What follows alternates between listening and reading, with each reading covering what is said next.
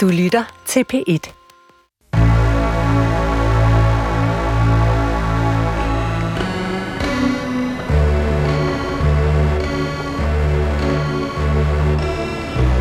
Du har ringet til Hemmeligheder på P1. Tak for din hemmelighed. Vi lover at passe godt på den. Min hemmelighed er, at jeg har lyst til at begrave min venindes telefon, fordi hun er så afhængig af den. Velkommen til Hemmeligheder. Jeg har lyst til at begrave min venindes telefon, fordi hun er så afhængig af den. Jeg har lige afspillet den første hemmelighed, for den telefonsvarer, du altid kan ringe til. Det du skal gøre er at ringe på 28 54 4000, og så kan du komme af med noget, der måske tynger dig. Måske gør det ikke. Men vi, og jeg siger inkluderende vi, vi på hemmeligheder, fordi vi er der, hvor I står. Vi er i en opbrudstid, og det kan vi mærke på telefonsvaren. Fordi når I står et specielt sted, så kommer der specielle hemmeligheder ind. Og lige nu, der er vi hos de unge, hos studenterne, og hos dem, som lige har vinket farvel til folkeskolen. Det er jer, der ringer lige nu, og det skal I blive ved med at gøre. Fordi når vi har ungdommen ombord, så øh, kan ingen, øh, så kan ingen røre os. Det er nogle hemmeligheder, jeg glæder mig til at øh, forløse måske de kommende uger. Men i dag, der skal vi forløse nogle andre hemmeligheder. Og til det har jeg inviteret Chris Pedersen. Velkommen til programmet. Tak skal du have. Du er redaktør på Børsen. Ja. Men øh, i dag er du hemmelighedsfacilitator. ja. Måske skal vi prøve at starte med egentlig at spørge om, hvad er en hemmelighed for dig? Jeg har tænkt, faktisk tænkt ret meget over det, efter du spurgte, om jeg ville være med. Fordi der er det der med sådan et, at jeg synes, at vi er i sådan en kultur, hvor vi ligesom, altså hvor, hvor alle privatgrænser, de bliver nedbrudt i øjeblikket, ikke? At det er sådan, vi er utrolig sådan ublufærdige.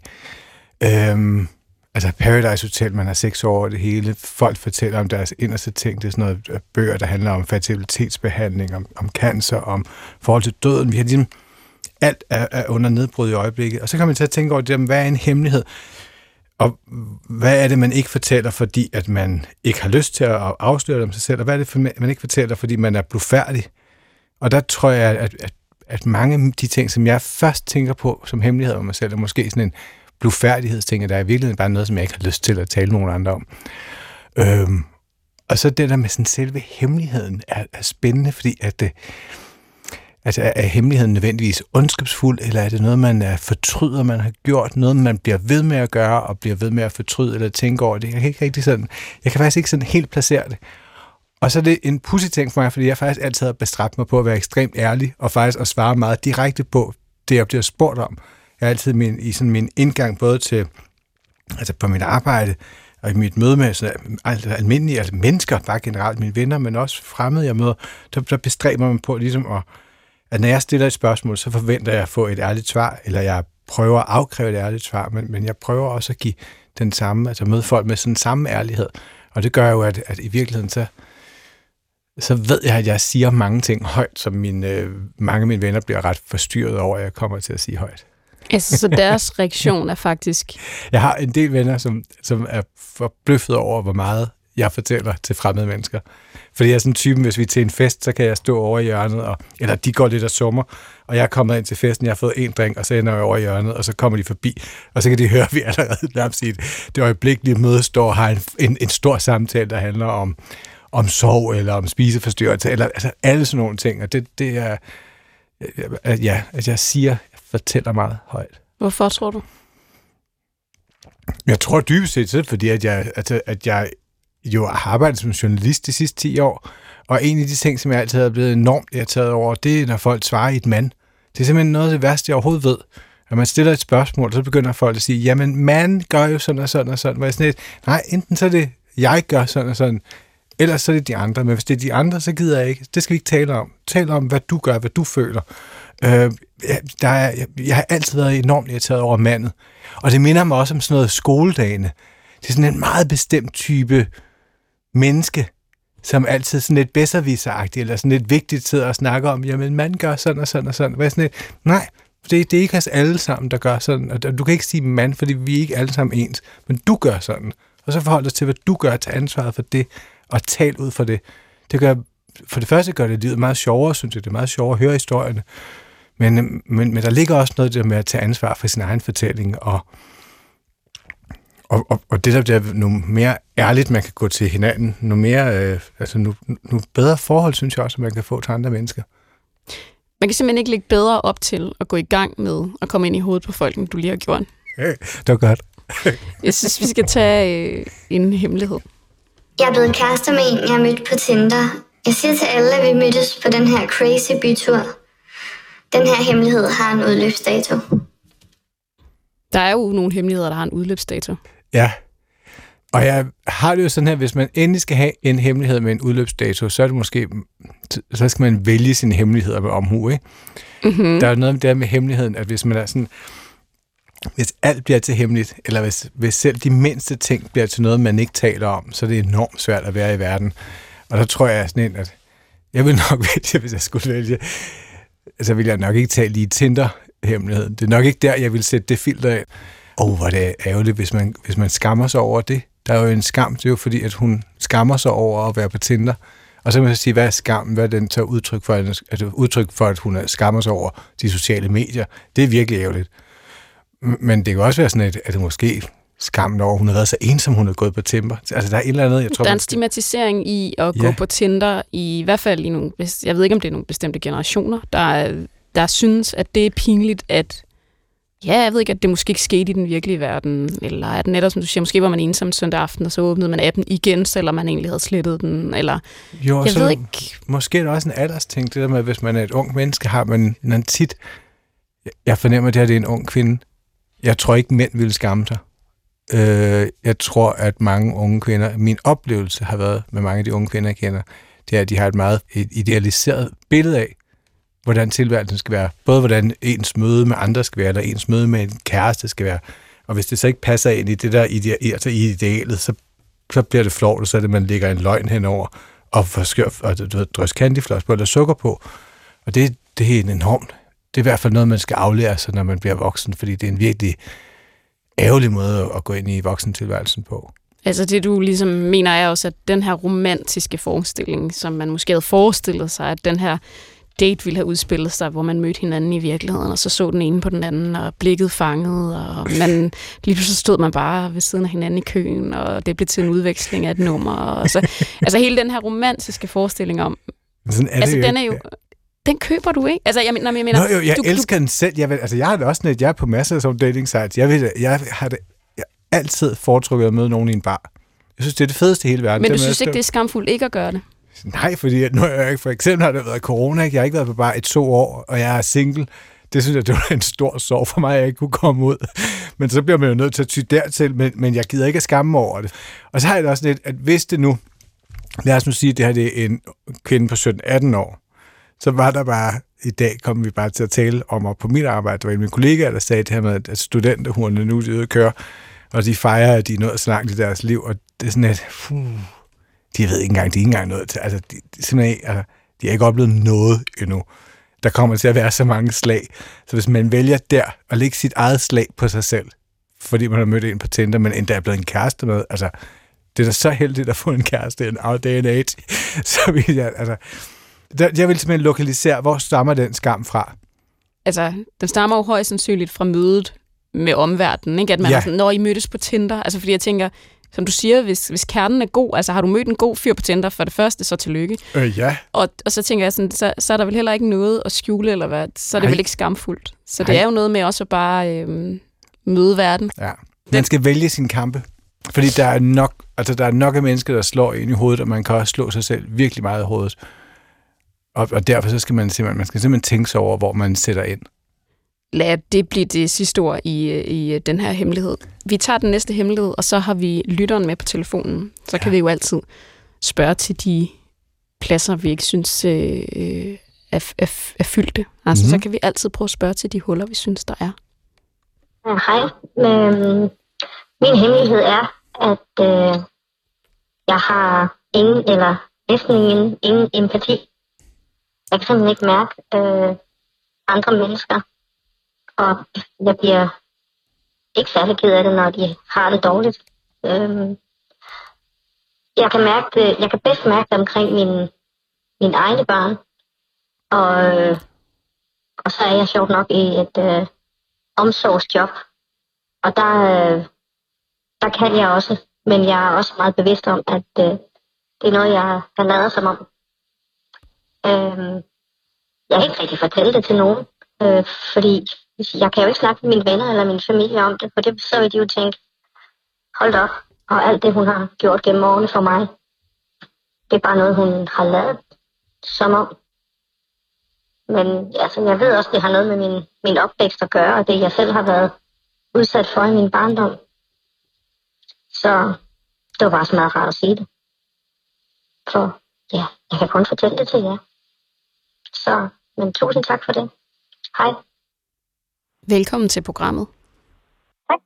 Det er virkelig en, øhm, det er en fin rejse, vi nærmest er med på her. Altså, vi starter et sted, og så er vi faktisk vidt omkring, og jeg tænker, det kan vi jo også tale om. Altså, du er selv inde på nærmest, hvor, hvor det her det stammer fra, og så ender vi et sted, hvor du siger, at du faktisk ikke kan sige det til andre, men, men lad os starte fra begyndelsen, hvor jeg vil sige, hvad, hvad tænker du egentlig sådan, når du hører den her hemmelighed? Hmm. Når den bliver spillet igen? Jamen, øh, det, det er jo meget rigtigt. Det er sådan, det er. Det er sådan, jeg føler. Og, og hvad, hvad, for, altså sådan, hvad betyder empati for dig? Altså, hvad, hvad forstår du ved det begreb? Jamen, at kunne jamen, øh, sætte sig i andre sted og blive, blive øh, berørt, ked af det på andres vegne. Øh, eller også øh, øh, helt vildt glad på andres vegne. Det behøver jo ikke kun at, at, at være trist. Det, det kan jeg næsten ikke. Kan du være glad på dine egne vegne, eller trist på dine egne vegne? Øhm, held, heller ikke ret meget, nej. Nej, for det slår mig det her med, at altså, jeg, jeg kan jo ikke lade mig at tænke der med empati, at jeg har en empatiknap, som er meget sådan en, jeg kan tænde og slukke for. Og hvis folk de har trådt på mig tilpas mange gange, så, så er, er det umuligt for mig at finde den empati frem. Kan du genkende det? Ikke, at jeg, jeg kan ikke... Øh, altså, jeg kan godt genkende det der med andre mænd. Det vil jeg altså udelukke af mit liv, øh, uden at føle nogen sorg eller, eller savn. Men jeg kan ikke, jeg kan ikke få, få noget frem. Hvordan kan du ligesom i din hverdag mm, mærke, at du ikke har empati? Jamen det kunne jo være for eksempel, hvis en af mine nære veninder, øh, det sker jo heldigvis ikke så tit, men fortæller, at hendes far har fået kræft, for eksempel, så vil jeg jo sige, nej, hvor forfærdeligt, og hvordan og hvorledes. Men helt ærligt, indeni, der er jeg ligeglad. Jeg kan ikke mærke det. Hvornår mærker du det her for første gang? Altså, at du har svært ved at føle empati, hvor du kan mærke, at det, der, det gør andre, eller det forventer andre, at du skulle kunne?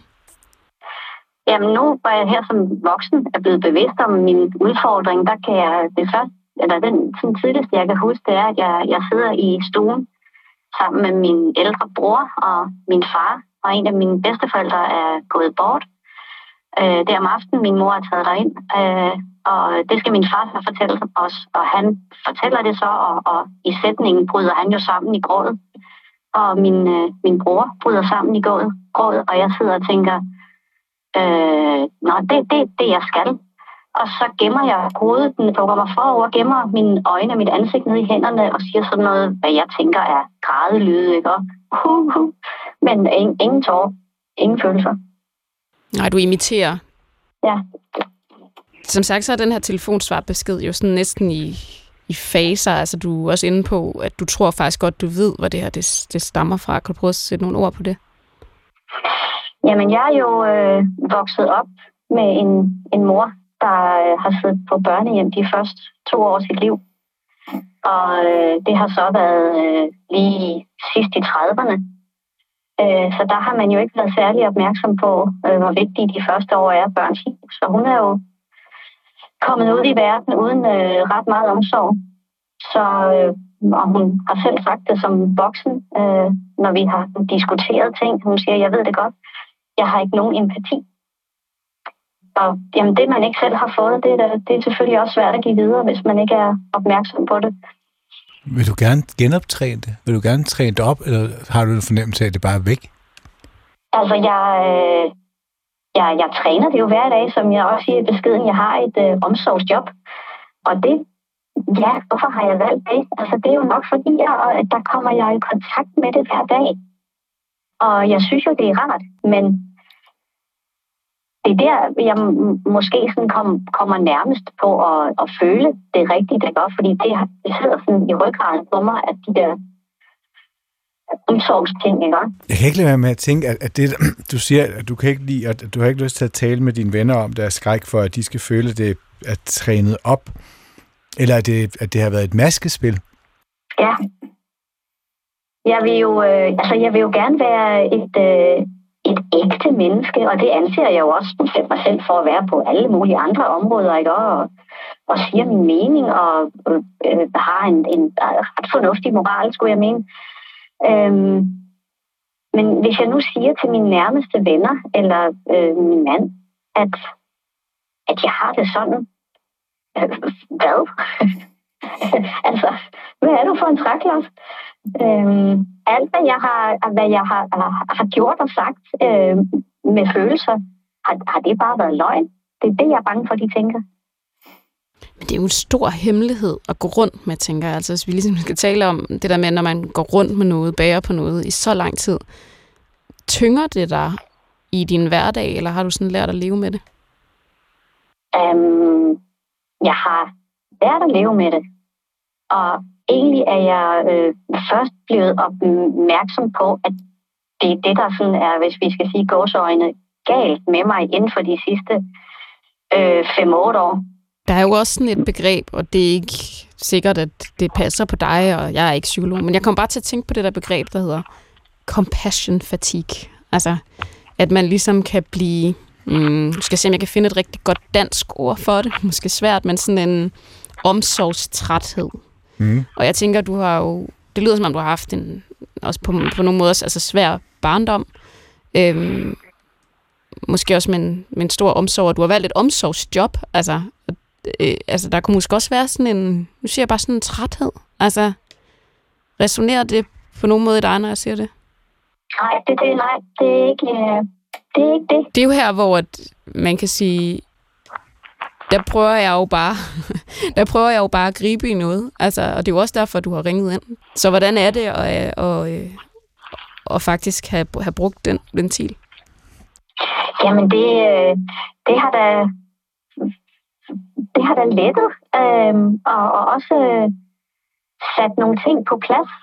Øh, eller ikke på plads, men i hvert fald øh, rusket nogle ting frem, ja. som måske skal på plads, ikke? Og at, at mm, måske kunne jeg godt sige det til nogen af mine allernærmeste. Øh, og måske er det ikke så frygteligt at sige det højt, fordi det er jo ikke, fordi jeg, jeg er et ondt menneske. Jeg føler bare ikke ret meget. Øhm. Men det synes jeg all right ikke at føle ret meget. Jeg synes også, det er all right, at man... At, at, at det der,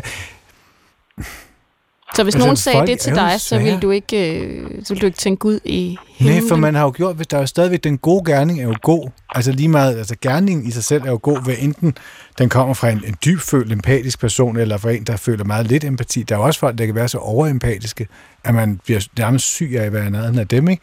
Øh, men, men jeg tror i virkeligheden, at der, der er noget spændende i måske, i stedet for at kigge ud på de mennesker, du ikke har empati med, så tror jeg, der ligger jeg kan ikke være med at tænke, der også ligger et eller andet i det med altså en empati eller medfølelse over for en selv. At det måske virkelig starter, at, at hemmeligheden nok starter i det der med at tage en samtale med dine venner, men den handler om dig, den handler ikke om, om det, du har gjort for dem igennem årene. Og hvis de så kører den over på dem selv og føler, at de er blevet såret over det, så skal man måske finde nogle andre at tale med, fordi, fordi den ligger nede ved dig. Ja, ved du hvad, lige da du sagde det, ikke? Øh, altså, jeg, jeg får helt gåsehud. Så jeg, jeg tror måske, det er... Øh, du har, det har du meget ret i.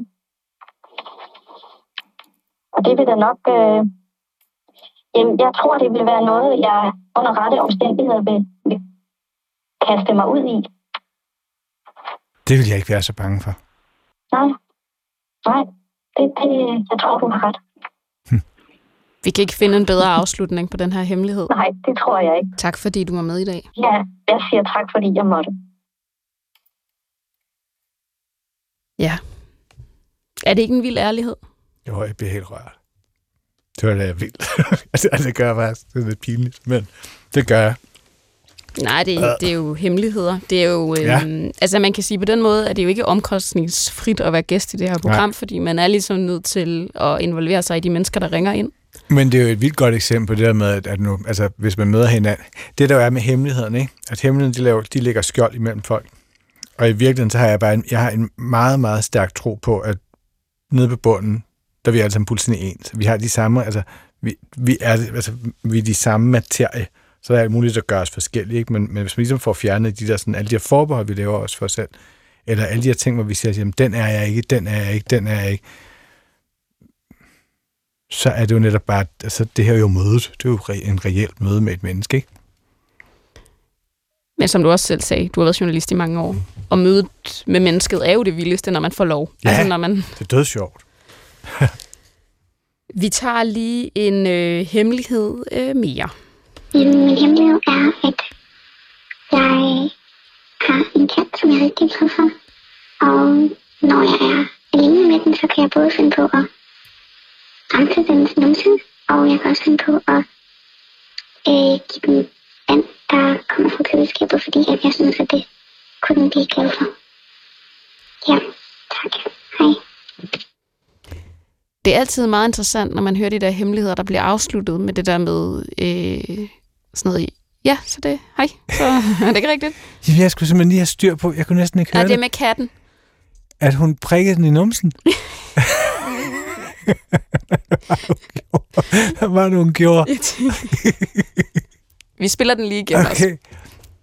Jamen, min hemmelighed er, at jeg har en kat, som jeg er rigtig glad for. Og når jeg er alene med den, så kan jeg både finde på at rense dens numse, og jeg kan også finde på at øh, give den vand, der kommer fra køleskabet, fordi at jeg synes, at det kunne den blive glad for. Ja, tak. Hej. Du ligner et stort spørgsmålstegn. Det, er jo- det, det, hvis jeg lige skal, hvad jeg hører, ikke? Det er at prikke den i numsen, og så putte den i køleskabet. Jeg kan, jeg, jeg, kan simpelthen ikke. Jeg kan simpelthen ikke. Jeg, jeg kan ikke. Det er, når der er et eller andet billede i mit hoved, som jeg slet ikke har. Jeg kan slet ikke få det placeret. Rense dens numse Det var tæt på. og give den vand fra køleskabet. det, det, det er mærkeligt. det, det, det, jeg forstår godt, hvis hun holder det hemmeligt. Men jeg håber, at hun bruger en lille vatpind. nej, nej, nej, ikke, er det ikke bare fingeren? Vi er over i noget sådan hemmelig adfærd. Ja, Og her er det så hemmelig adfærd med, med kat. ja. Og det er som om, hun ikke siger det hele, ikke? Du tænker, der er mere. Der er noget med katten, altså sådan rent fysisk med katten, hvor det, er en, det, er en, det er en underlig ting, jeg sidder og gør, synes jeg. Men det gør det- katten jo selv, fordi det, altså, Det er katten er jo et meget renligt dyr. Øhm, Men jeg tænker også, der er jo egentlig ikke... Altså, du tænker... For jeg tænker, der er jo egentlig ikke... Jo, altså, der er jo noget hemmeligt i det, fordi det er hemmelig adfærd. Men hvorfor Ja. tror du egentlig, det er hemmeligt? Den lider jo ikke overlast. Den får vand fra køleskabet, og det lyder som om, hun Ja. holder af den. Og... Jamen det må, altså nogle gange er det vel også det der med, altså nogle gange er en hemmelighed også, fordi man godt kan lide at i tale sætte sig selv som værende sær. Altså måske er hun sådan en goth, som sidder og, og du ved, har meget langt hår, som hun fletter hele aftenen og lytter til sådan noget virkelig mærkelig musik. Og sådan har den en idé om, at hun er sær, og derfor er det en sær ting at gøre. Det er jo også en, en det kan jo også være en del af en selvfortælling, at man er så weird, at man sidder og renser numsen på sin kat tirsdag aften, Men så vil det nok ikke være en hemmelighed. Nej. Nej, men det kan også være en indre selv- selvfortælling, kan man sige, ikke? Men det er måske mere også, det, altså, det kunne også bare være, at måske hun er for meget alene. Man kan jo godt, og det siger jeg som en person, der er rigtig, har været rigtig meget alene, man kan jo godt udvikle nogle lidt sådan sjove, øh, ja. særlige ritualer, når man øh, er enormt meget alene. Ja. Altså, virkelig. Altså, jeg, nu kommer min hemmelighed senere på, på, Ja, det på, det. på dagen, ikke? Men altså, de her to års corona har bestemt ikke været gode for mit spisemønstre. Nej, Og det har ikke været, altså det er ikke noget, jeg har sagt højt, hvad det er, jeg har sagt Altså, hvad det er, jeg har spist og indtaget i løbet af en uge, og jeg har været flov, hvis jeg har mødt nogen, jeg kendte nede i... Altså, For du Altså, tænkte, de ser, hvad jeg lægger op på båndet nu, ja, og det, her, har de det ikke går set. ikke. Nej, nej, det har de ikke fået lov til at se. Hvis Nej. jeg har opdaget, at der var nogen, jeg kendte derinde, og jeg har gået rundt med... Og det er så dumt at sige, min frysepizza er. Jeg havde tid på at spise fire om ugen. Det er jo ikke, jeg er 45 år gammel, ikke? Jeg spiser, det burde jeg jo ikke gøre. Men det har det været sådan et, når jeg stod med sådan en hel indkøbsgård fyldt med frysepizzaer, så har jeg set nogen, der kendte, der gik ind, så jeg bare sådan, fuck no. Gå ned har- til mælken. så har jeg gemt mig. Det er der ikke, og det vil jeg ikke sige højt. Men så, så, og så kom det så alligevel frem her i januar, da jeg var blevet så tyk og vokset ud af meget med tøj. Og jeg sådan tænkte, nu skal jeg til at holde op med det her.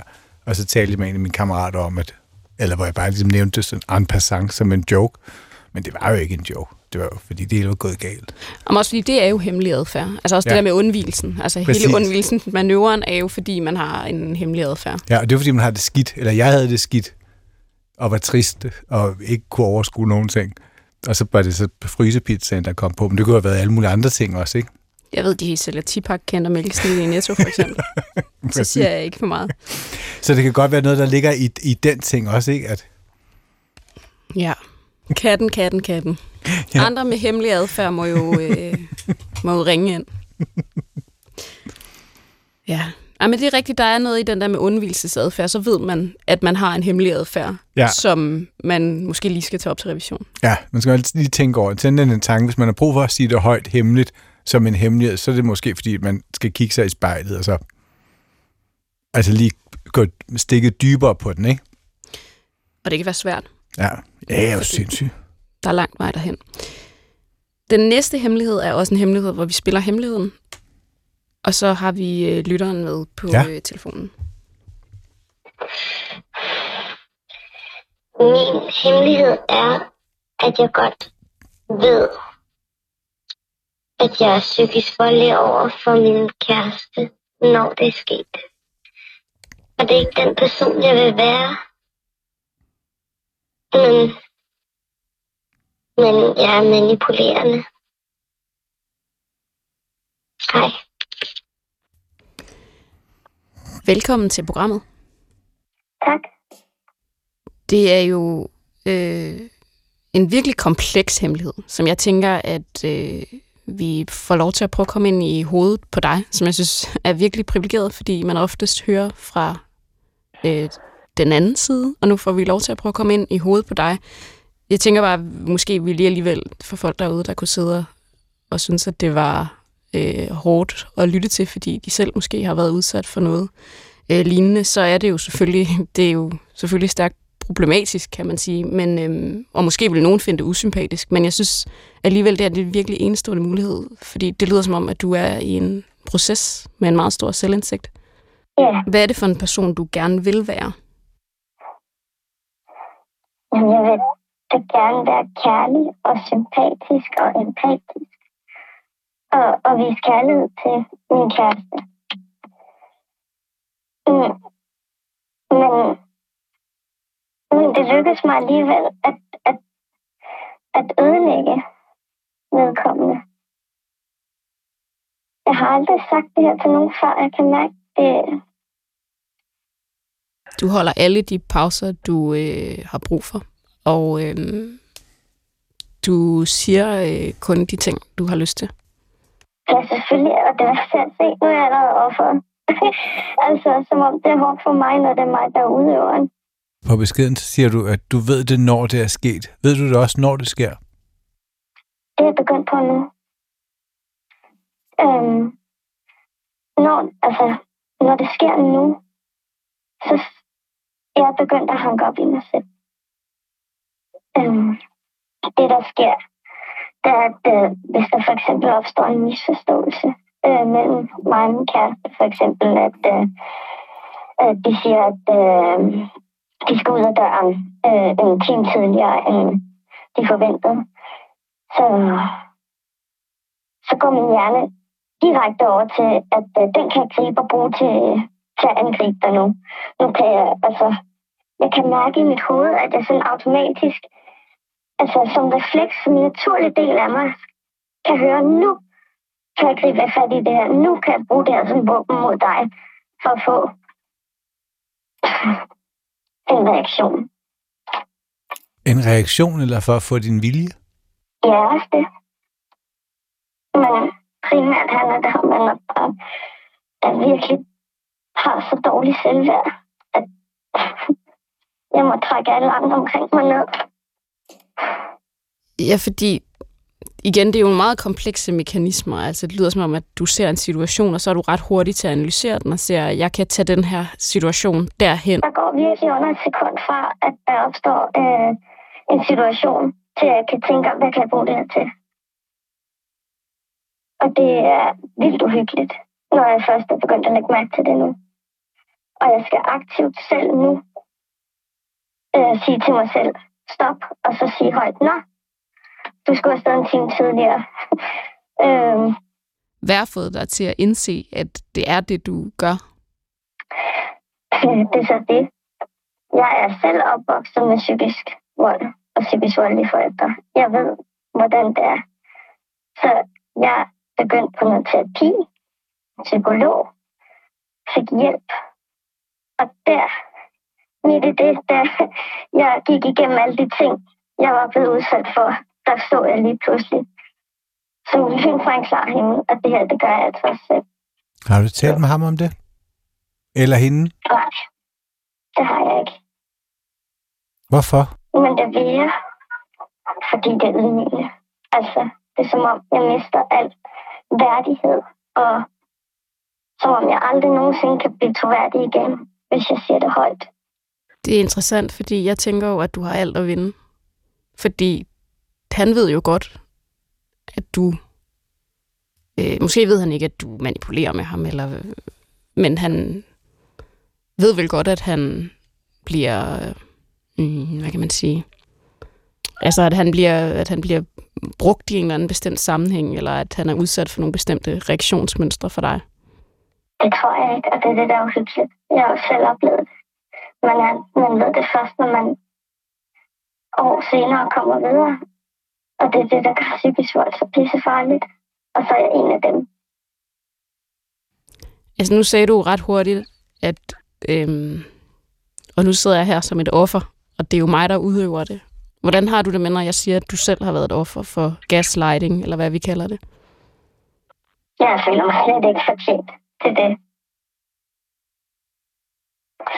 Og, og det er som om, det svære ved at åbne op om, at man er psykisk voldelig, det er, det er som om, jeg ikke kan sige noget nu, uden at, uden at jeg er bange for, at modtageren tolker mig som manipulerende. Du er i gang med at manipulere os også. Mm. Mm. Så det er sådan en rigtig ond spiral.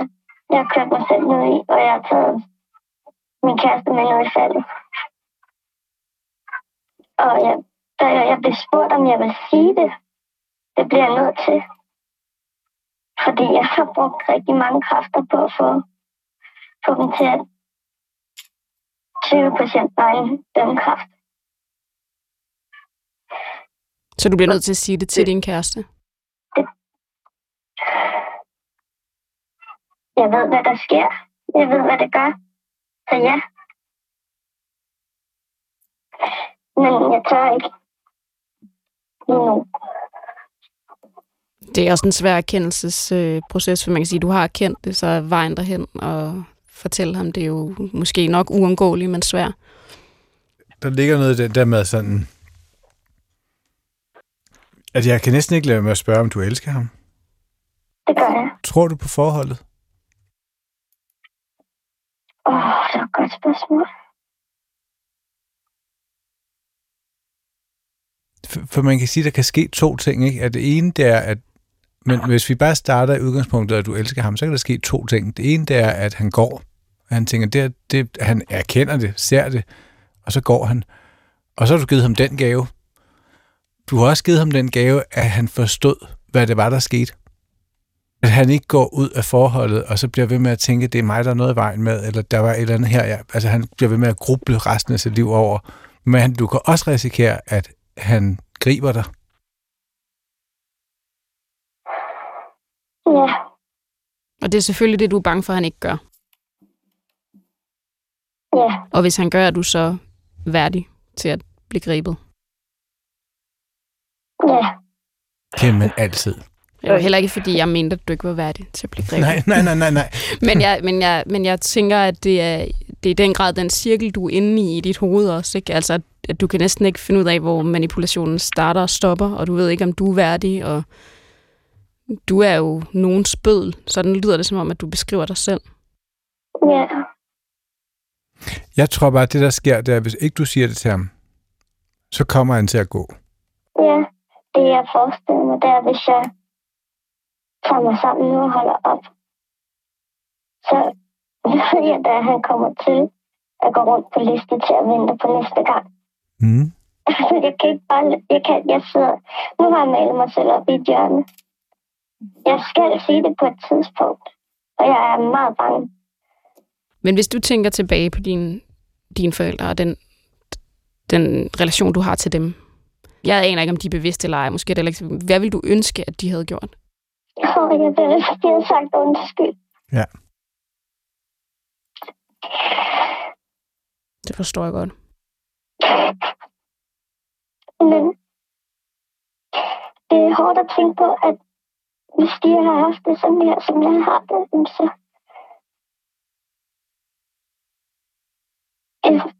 Så kan jeg ikke bare være vred på dem. Altså,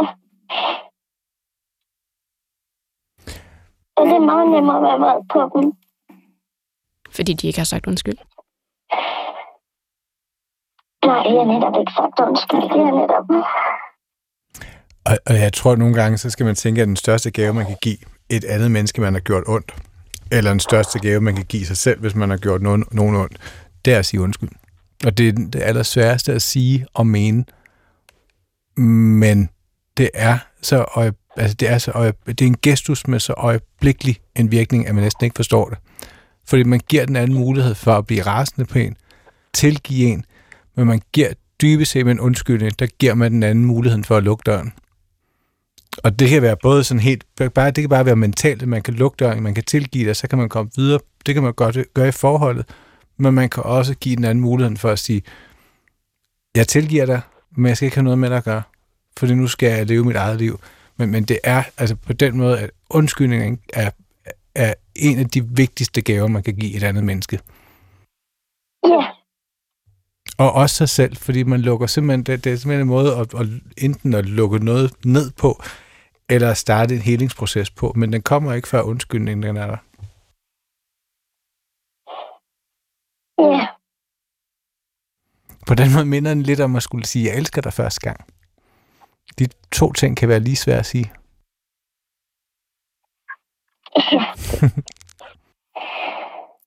Det er også fordi, man skal oftest, når man skal ud i sådan en undskyldning, så er det jo, Din altså, hand- så er det en uforbeholden undskyldning. Ja. Altså, så er det, så er det jo øh, det store undskyld uden noget men, ikke? Jo, og fordi det handler om en selv, og ikke handler om den. Altså dybest set, kan man sige, at ordet handler om en selv, men gestusen handler udelukkende om den, man sidder overfor. Så på den måde går det jo meget imod det ens øh, sådan... Ja. Hvad tænker går du, jeg- når Chris siger det her med undskyldningen? Jeg synes, det var... Jeg havde ikke... Jeg havde ikke tænkt over netop det her med at sige, at jeg elsker dig, og, undskyld, det er... Jeg synes, det var meget flot sat om, og jeg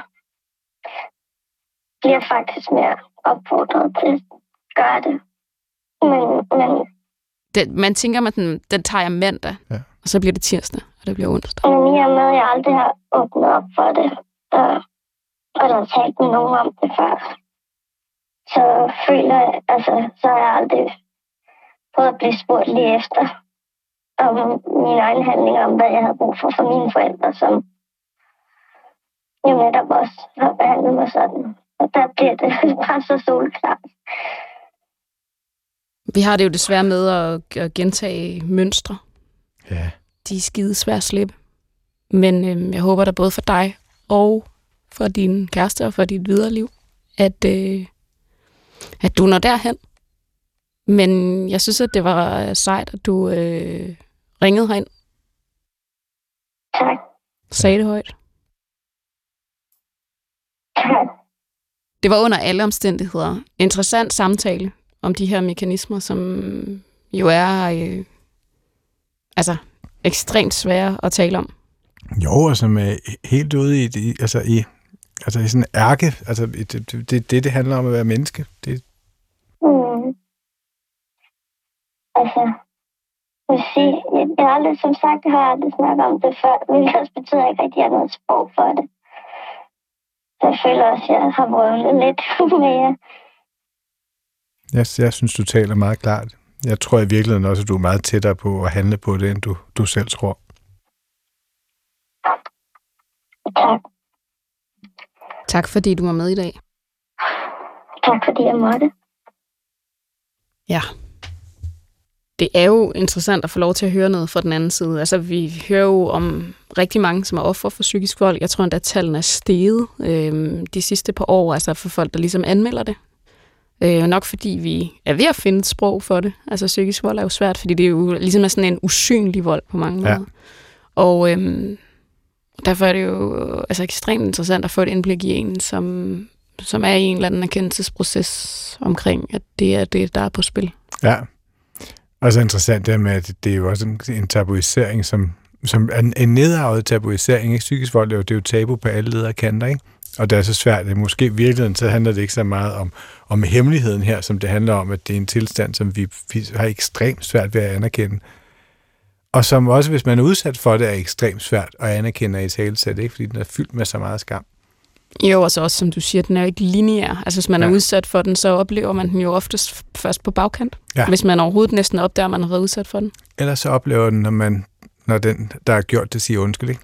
Jeg kom ikke, fordi jeg kom til at tænke på det med utroskab, at der for mig er der, for mig er de to ting meget tæt forbundne med den psykiske vold og utroskab. Ikke? Fordi det der med, at, at nu siger jeg, at jeg ikke, men det mm. der med, at jeg ved, jeg vidste, at der skete noget, jeg ikke var klar over. Jeg ikke kunne sætte fingeren på det. Men før man, altså, så, det var ligesom undskyldning, der viste, at jeg ikke var skør i bolden. Dybest set. Ja, og det er jo det, der er hårdt videre, for eksempel Ja. at være offer for, Så det psykisk med en, en undskyldning er nogle gange også at tage ansvaret for det, man elsker. Også, eller bare at tage ansvaret for det andet menneske. Vi tager den, øh, den sidste hemmelighed, og så øh, er det din Gud, hemmelighed. Jeg vil bare lige varsle, ikke? det er gået hurtigt. Min mands mad er uspiselig. Jeg kan egentlig godt selv lide at lave mad. Men jeg gider ikke alt bøvlet. Så jeg har aldrig fortalt ham, at jeg ikke kan lide det. Jeg fortæller ham faktisk ofte, at han er en rigtig god kok. Ja, men det her, det er jo en vidunderlig hemmelighed, fordi ja. altså, den har til synligheden ingen udløbsdato. Det Nej. er bare, nu har du sagt din mands med, at du kan ikke begynde at sige, at den er dårlig, vel? Nej, men det er også sådan en hemmelighed, hvor man bliver lidt urolig for, hvorfor er de overhovedet gift? Fordi hvis det er en af hemmelighederne, hvad, hvad er der så ikke af andre hemmeligheder? Og jeg håber da, at han er virkelig god i sengen, når hun ikke sidder, altså hun ikke faker sin orgasme også, fordi det kunne også være en, en del af et parforhold, ikke? Jo, jo, at, den at har vi manden også. tror, at han er god i sengen og sådan noget. Det, det er en virkelig ærgerlig, åh, oh, hvor det er en ærgerlig situation. Og jeg synes faktisk, den hænger sammen med den der hemmelighed i begyndelsen, det der med sådan et idealforestillingen om det andet menneske, ikke? at man skåner den anden, fordi man, man så gerne vil, at det er idealet, man har fundet sammen med. Og på den måde, så ender man med at røvrende vedkommende, men også at røvrende sig selv. Ikke? Og dårligt. Det var, åh. Og jeg er Ja. glad for, at der aldrig hun, der har sagt til mig, at jeg var god til at lave mad, for det ved jeg, det er et faktum, at det er jeg ikke. Og jeg ville virkelig, hvis der var nogen, der begyndte at sige det til mig, så ville jeg også tænke, mm, ej, du lyver. Og hvis du lyver om det, hvad lyver du så om? Også om. det, men det er jo også, fordi det er jo, det er jo en hverdagsløgn. Ja. Men den er jo blevet til noget andet. Altså, Ja. ja. ting starter jo tit i det små. Ja. Ikke? Åh, jeg er egentlig selv en god kok, jeg gider ikke lave mad. Jeg synes, det er et lidt træls tidspunkt, jeg er træt. Mm, han laver mad, det er fint nok. Jeg siger, det smager godt. Men den skal du jo toppe. Ja. Fordi så gør han, nu, nu har han lavet stor rødvinsmiddag, så, og det smager helt sikkert lige så dårligt som pizzaen, eller bøf stroganoffen. Så det er, jo en, det, er jo en, det er jo en hverdagsløgn, der tager fart. Ja. Så kommer gæsterne. Ikke? Det er, det er to Lars. Det er dejligt middag. Altså jeg mener, løgnen skal også blive større, den bliver større og større. Ja, og det er den der med en lille hvid... Altså, og det er virkelig, den lille hvide løgn er jo nogle gange den uhyggelige. Jeg tror, det, er- jeg tror egentlig, man skal være meget mere fokuseret, have meget mere fokus på den lille hvide løgn, end man skal have på den store løgn. For den store løgn er jo den der eksistentielle, som jo handler om noget helt andet, ikke? som måske handler om, at man skal kigge sig selv i spejlet og få ringet til en psykolog. Men den lille hvide løgn, det er den der lille, som har sådan en, som lige pludselig har sådan en mulighed for at kunne forpeste det hele. Fordi at så bliver det afsløret, og så står den anden og sådan tænker, hvorfor løg du om det? Hvad er det for noget? Hvorfor, hvis du lyver om det, hvad lyver du så ikke også om? Nå, eller til, han kigger på hende og siger, du siger altså til mig, at, at, at de nye kjole, dem der var i skabet, at, at du har købt dem på Vestiaire Collective eller Trendsy, altså så er det til fuld pris. Det er da noget underligt noget at lyve om. Så bliver man sådan usikker. Og den lille hvide løgn til sådan en, som sådan en, øh, den gnæver sig ind på en. Man kan mærke den, men man kan ikke helt placere, hvor den er henne. Nej, på den måde er det jo nogle gange meget godt, med den, med, som du siger, med den store løgn. For Ja. den kan mærkes, og den kan, man ved, der er noget, der er forkert, men Ja. den lille hvide løgn, Ja, den kan den- være steder. Og den er undergravende på kan sådan en altid. helt anden måde. Og det er tit det, er tit det, der, det, er det lille tillidsbrud. Det er det lille bitte, som sådan et kan bygges op til en kæmpe eksplosion på et tidspunkt. Og på et eller andet tidspunkt, så skal han jo lave, så kommer han jo til at lave mad til 12 mennesker, ikke? Og så bliver man simpelthen nødt til, så er der nogen, der kommer en dag, kommer der til at være et barn ved bordet, eller en kæreste, en barns, en, en søns kæreste, som kommer ind, og som ikke gider mere pis. Og så er man sådan et, det her, det er åh, uspiseligt. Og problemet er jo også der, at- at faktisk, faktisk med sådan noget som mad, er jo en identitet. Ikke? Man er Jo. en god kok. Ja, Ikke? Lars er en god kok. Altså, det er jo, det er jo identitetsskabende. Det er den historie, man fortæller om sig selv. ja. Så hvis den lige pludselig, som du siger, der sidder en dag og råber, han har jo ikke noget tøj på, så er det faktisk, altså, så er det faktisk et stort tillidsbrud. Og det er faktisk, synes, det er, det er traumatiserende for ham ude i køkkenet. Han Ikke? står der med alle sine krydderier. og såsen. Ja. Åh, det er sødt. Med såsen. Vi er jo faktisk nået til det punkt, hvor Ja. ja. du skal fortælle en hemmelighed. Ja, Det er vi jo. Altså, jeg, jeg er med på, at tiden går hurtigt. Ja. Men øhm, vi kommer ikke udenom det. Nej, men jeg, jeg, jeg tænker meget over det er sådan lidt, hvad er, hvad er hemmeligheden, og hvad er det, jeg ikke siger højt? Jeg, jeg, og så kan jeg, så, så tror jeg, jeg er meget på det der med altså mit forhold til mit udseende. At jeg har altid været sådan, jeg har altid klædt mig ekstremt sådan, jeg har altid haft et meget distinkt look, og har altid gået meget op i, at jeg ligesom havde sådan en, en overflade, som var meget let afkodelig, og som jeg synes var cool på en eller anden måde. Og, og, og dybest set, så altså sådan,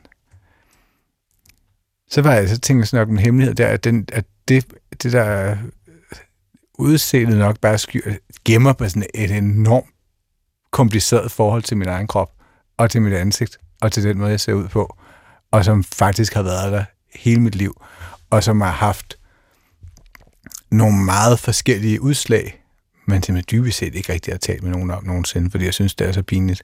Og i virkeligheden også, altså nu i en voksen alder, altså, du ved, som ung, så det der med at være usikker på sin krop, eller ikke at kunne lide den, det er jo sådan et, det er jo en del af alle teenagers. Altså, det er jo en del af at, at, at være ung, at være barn og sådan noget. Og, og der er jo en enorm sådan underlig skam forbundet med at have, altså, ikke at være kommet videre i midten af ens tilværelse. Sådan at forfængeligheden stadig optager en, eller... Det er simpelthen bare, at jeg dybest set ikke, har, ikke, sådan, synes, ikke kan lide den. Synes ikke, jeg er pæn. Synes, jeg er en grimmert. Og sådan har jeg altid haft det. Men har ligesom gjort alt muligt for ligesom at skjule det, det faktum. Du er sådan en, som jeg synes har haft en uniform. Mm. Altså, når jeg har tænkt på dig, så har du næsten haft en uniform. Og måske også til din hemmelighed skal vi jo etablere, at du har arbejdet enormt meget med mode. Ja, jamen, helt siden jeg var, jeg tror mit første job var, mit første job var på Euroman, hvor jeg var moderedaktør. Og så kom jeg på et magasin, der hed Cover, hvor jeg var redaktør og, og har lavet modeprogrammer og kulturprogrammer ude på Danmarks Radio. Så hvordan harmonerer det med det? Fordi Jamen, i virkeligheden har det jo været pudsigt med det job, eller med de job, jeg har haft, fordi de har været faktisk, at det lyder mærkeligt nu, men dengang jeg var på Euroman for mange år siden, det er 10-15 år siden, det var egentlig et ret sådan offentligt job. Det var et, hvor man vidste ligesom, hvem den karakter var. Fordi det var, det var sådan, jeg har været vant til at have nogle job, hvor, hvor folk har vidst, hvem jeg var. Og, og der har den der uniform været sådan et dejligt skjold, fordi den, den kan gemme enormt meget usikkerhed. Det er sådan et, både, og, og, og, og den bliver så dobbelt gemt, også kvæg, at, at mange af de job, jeg har haft, har haft sådan en indbygget prestige i sig også. Ikke? Du ved, når man siger, at man er moderredaktør på Euroman, det var i hvert fald dengang et cool job. TV-vært på DR, det er også næsten per definition et cool job. Altså det er sådan, at hvis man så ikke kan kontrollere det, der sker indeni, så er der noget med, at så kan man i hvert fald kontrollere det, der sker udenpå. Og hvis ikke man kan kontrollere, hvordan folk, hvad folk synes om en, så kan de i hvert- i hvert fald forsøge at kontrollere, hvordan folk ser på mig. Og, og det har været, jeg tror, det har været min sådan mekanisme altid, den er sådan, jamen, at inde i hovedet er der en orkan, men, men i hvert fald så, hvis jeg ligesom strammer fuldstændig op på, på det ydre, så, så er der ikke nogen, der kan mærke det. Men det er alligevel interessant, når du har det sådan der, og kalder dig selv en grimmer det alligevel, ikke? Nå, men jeg mener, hvordan er det egentlig at høre det højt, altså at sige om sig selv? Det er at, frygteligt. Altså det, og det er jo frygteligt, det er jo sådan et, altså, fordi sådan skal man jo ikke være. Altså, nu har vi talt tidligere her i dag om det der med at have empati for sig selv, ikke? Og vise, altså sådan, at måske handler det, man gør, altså virkelig meget sjældent om, om de andre mennesker. Det handler jo næsten altid om en selv, ikke? Hvor stammer det der fra? Altså, nu siger jeg selvhed. Jeg tror, det stammer fra, at jeg altid har klaret mig selv. Og øh, sådan, at jeg altid har været vant til, at, at jeg er i ekstrem grad er selvkørende, og har enormt svært ved at... Jeg synes, de gange, hvor jeg har brug for hjælp som, som barn og som ung, du ved, vokse op som homo, og i virkeligheden vokse op som, at, som homo ude på landet i 80'erne, var råt. Og, og på en eller anden måde ved at, ligesom at, at få det der kæmpe fokus på, på mit ydre, så var det lidt lettere at gemme på alt det, der ellers skete. Det er, sådan et, det, det er lidt lettere at, at, at øhm, hvis man lige har fået tæv ude på toilettet, det er lidt lettere lige at kaste koldt vand øh, i ansigtet og gå ud igen, hvis man har noget pænt tøj på. Det er der uniformen kommer i spil. End det er, hvis ens tøj er helt grimt. Er det metaforisk? Nej, det er overhovedet ikke metaforisk. Det er sådan fuldstændig klart, når jeg kigger tilbage. Så kan jeg godt se, der Og er du blevet slået et sted? Ja, ja, ja. Jamen, det er da, altså, selvfølgelig. Altså, det, sådan er det. Det tror jeg faktisk, de fleste bøsser på min alder, altså midten af 40'erne, også der voksede op i 80'erne, det, er- det er bare en del af den, altså, det var nærmest en overgangsrige, ikke? Så, så på den måde har jeg jo oplevet sindssygt mange overgreb og ting og sådan noget igennem mit liv. Og der har der jo været, så, så er der noget, til, at, at når, når det er så usikkert at være til, og ens krop, altså, og det, og det er usikkert på grund af ens krop, og den måde, at man ser ud på, du ved, lange, tynde arme, løse håndled, ge, altså gebærder mig meget specifikt, øhm, så, så bliver det der udseende jo en... Det, det kan i hvert fald være en måde at, at, at, at, at genvinde noget kontrol på, tror jeg. Du har nærmest formateret dig selv på en måde. Ja, og, og det er meget specifikt, og jeg kan faktisk huske det, jeg kan faktisk huske helt tydeligt, at jeg på et tidspunkt tænkte, at jeg skulle ligne en karikaturtegning. At jeg havde det sådan, at hvis man skulle tegne mig, så ville det være fedt, at man kunne med meget få greb ville kunne tegne, og så ville man kunne genkende mig. Fordi hvis man kunne det, så ville man måske ikke tænke så meget over, hvordan jeg reelt så ud. Det er jo enormt interessant at høre dig, altså også sidde, altså, at sidde og sige sådan noget med dine arme, og de lange og de tynde. Altså det lyder jo nærmest som om, at du synes, din krop ser forkert ud. Jeg ved ikke, om det er så meget forkert.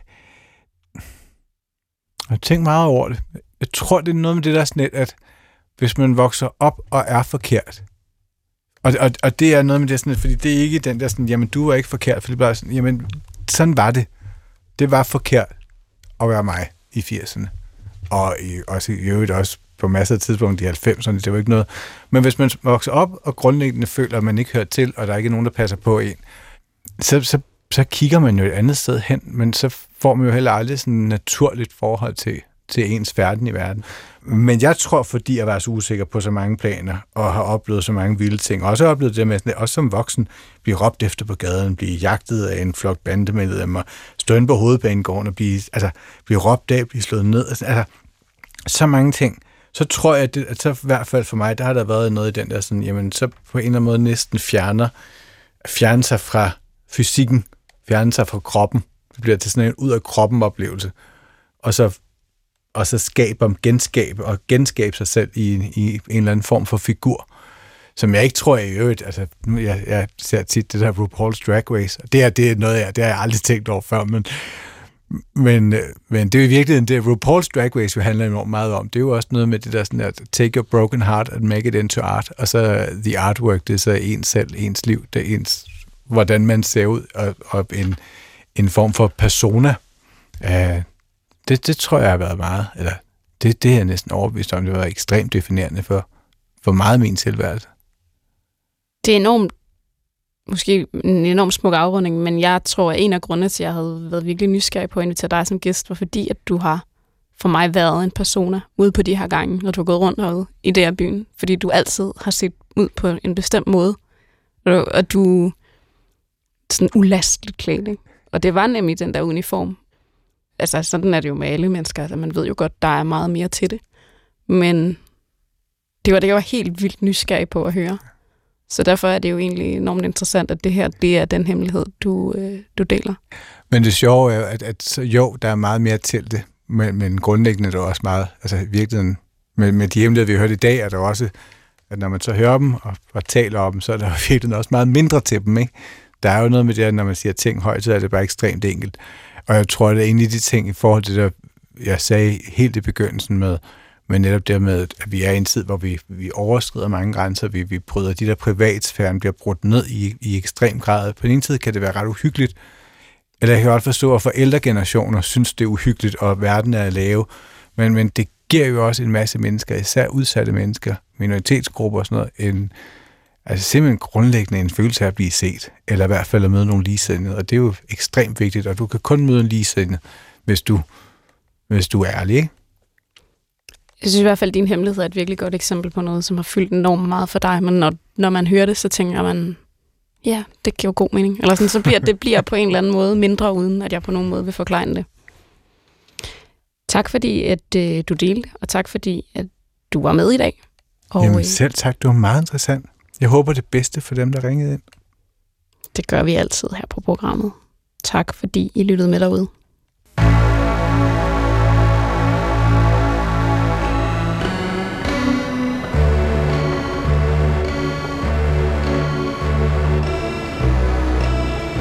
Du har ringet til Hemmeligheder på P1.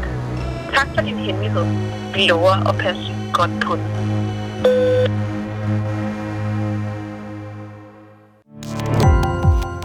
Gå på opdagelse i alle DR's podcast og radioprogrammer. I appen DR Lyd.